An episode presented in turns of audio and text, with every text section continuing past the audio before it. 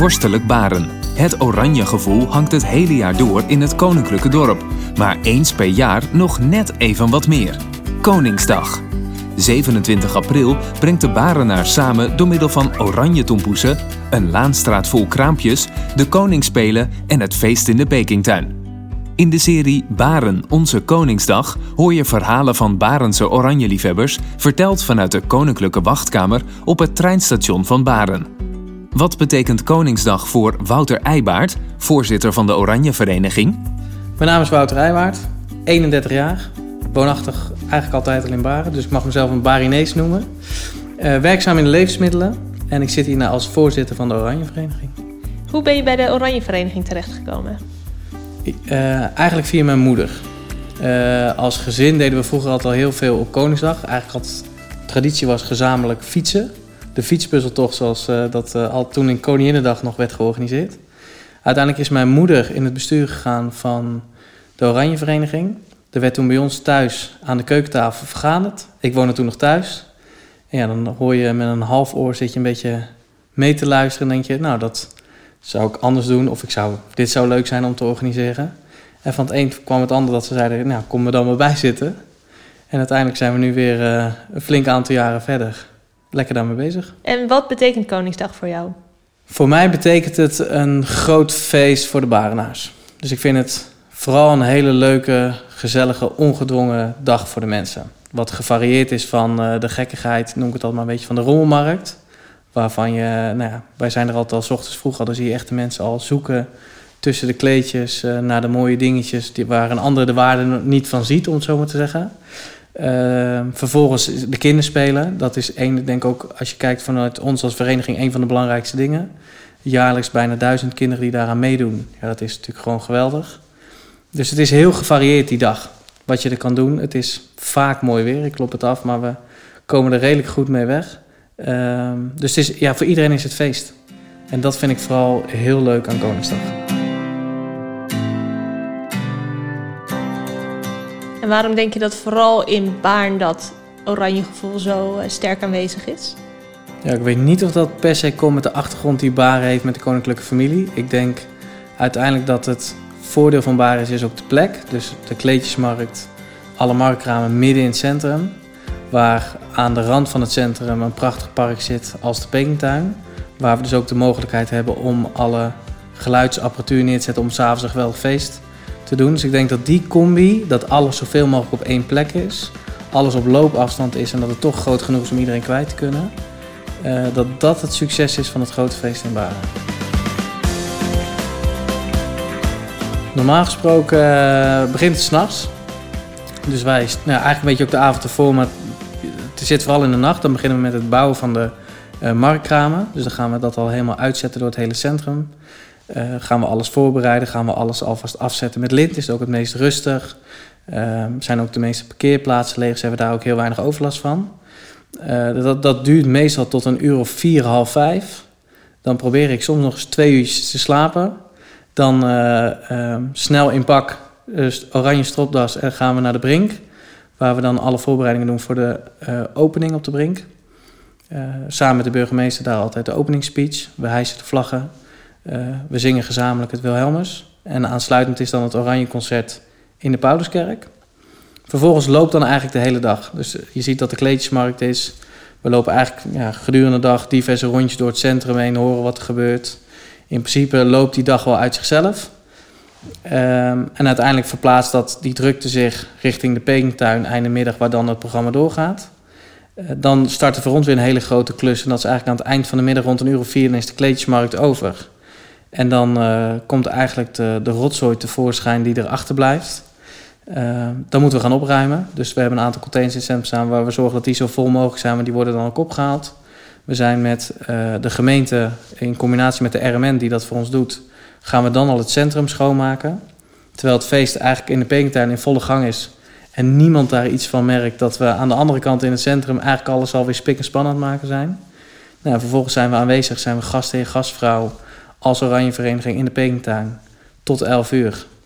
En daarna moeten we zorgen dat alles in goede rust, iedereen weer de Pekingtuin uitgaat. Wat soms nog eens lastig is, want iedereen vindt het daar wel gezellig, blijft nog even hangen. Uh, en ook daar moet uiteindelijk uh, de rommel opgeruimd worden. En dan zijn we s'nachts om drie uur uh, liggen we in bed na een hele lange dag. Zijn de voetjes helemaal op. Maar, en is voorbij gevlogen. Is het een geweldige dag geweest. En eigenlijk los van of het mooi weer is, regenachtig is. We hebben in Baar eigenlijk altijd geluk dat het druk is. Dus we hebben altijd wel heel veel blije gezichten gezien.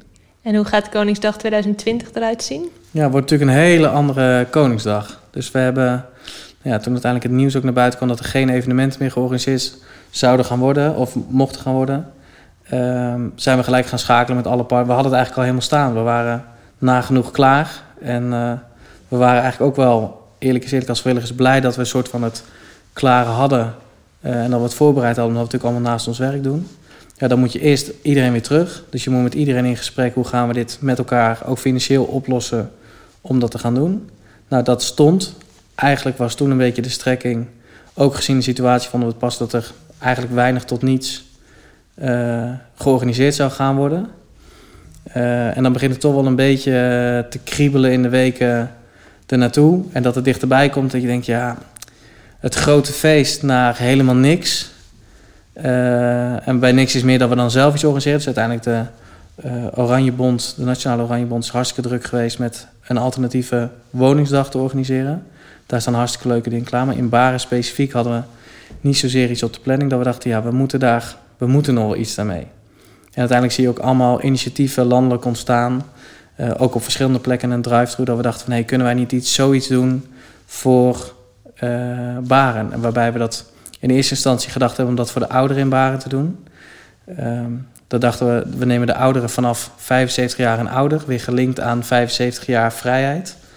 Um, maar ja, uiteindelijk, daar zat een beetje in een spagaat. Want uiteindelijk, dat is ook een soort risicogroep in de huidige tijd. Dus die willen we eigenlijk ook weer niet naar buiten toe hebben, om het zo te zeggen. Of in ieder geval op pad hebben namens ons. Uh, en uiteindelijk zijn het ook nog wel heel veel mensen in Baren. 3.500 mensen kwamen we achter zitten in die leeftijd. Dat we dachten, dat is ook wel weer heel veel.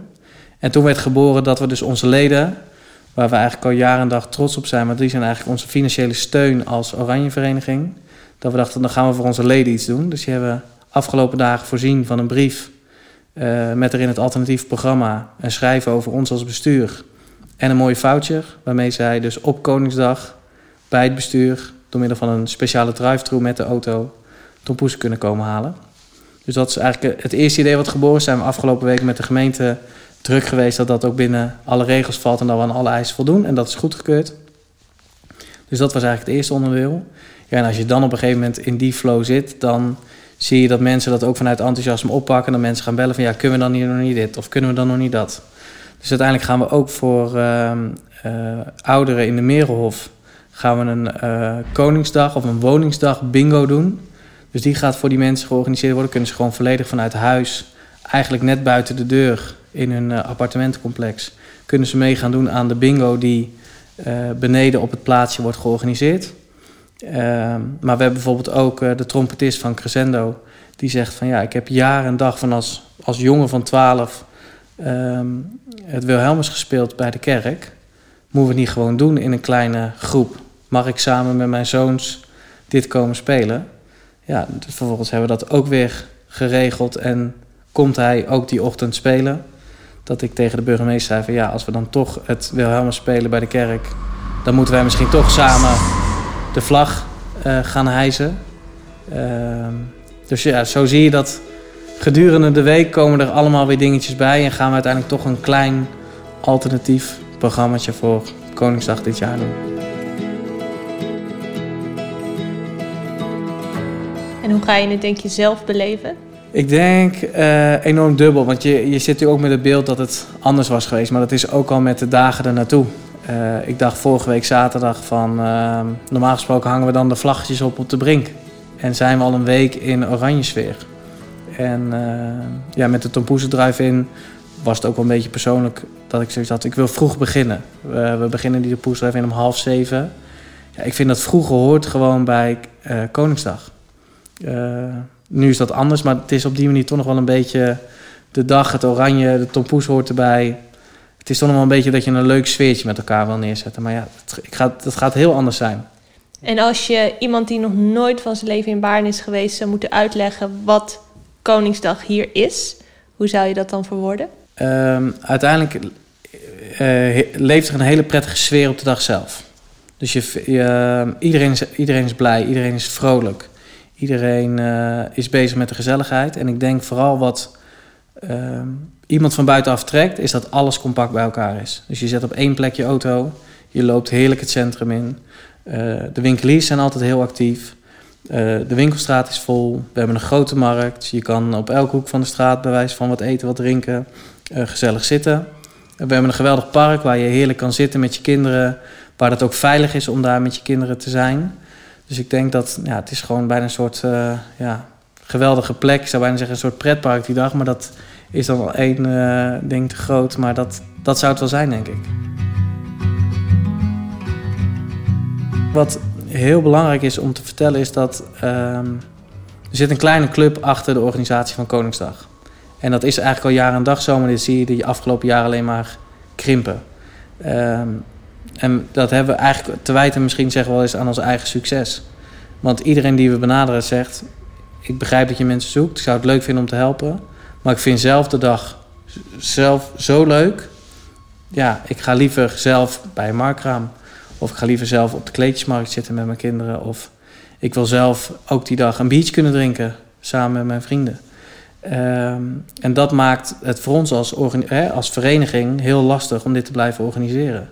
En je ziet nu eigenlijk dat we daar de afgelopen jaren al druk mee bezig zijn. Uh, en we krijgen gewoon geen nieuwe aanwas. En dat maakt nu heel lastig. Er zit een bepaalde vanzelfsprekendheid in, vind ik, vanuit de Barenaars. En dat kan zijn dat we zeggen, prima als je geen vrijwilliger. Kunnen we ook in die zin inkomen dat voor sommige mensen dat niet mogelijk is.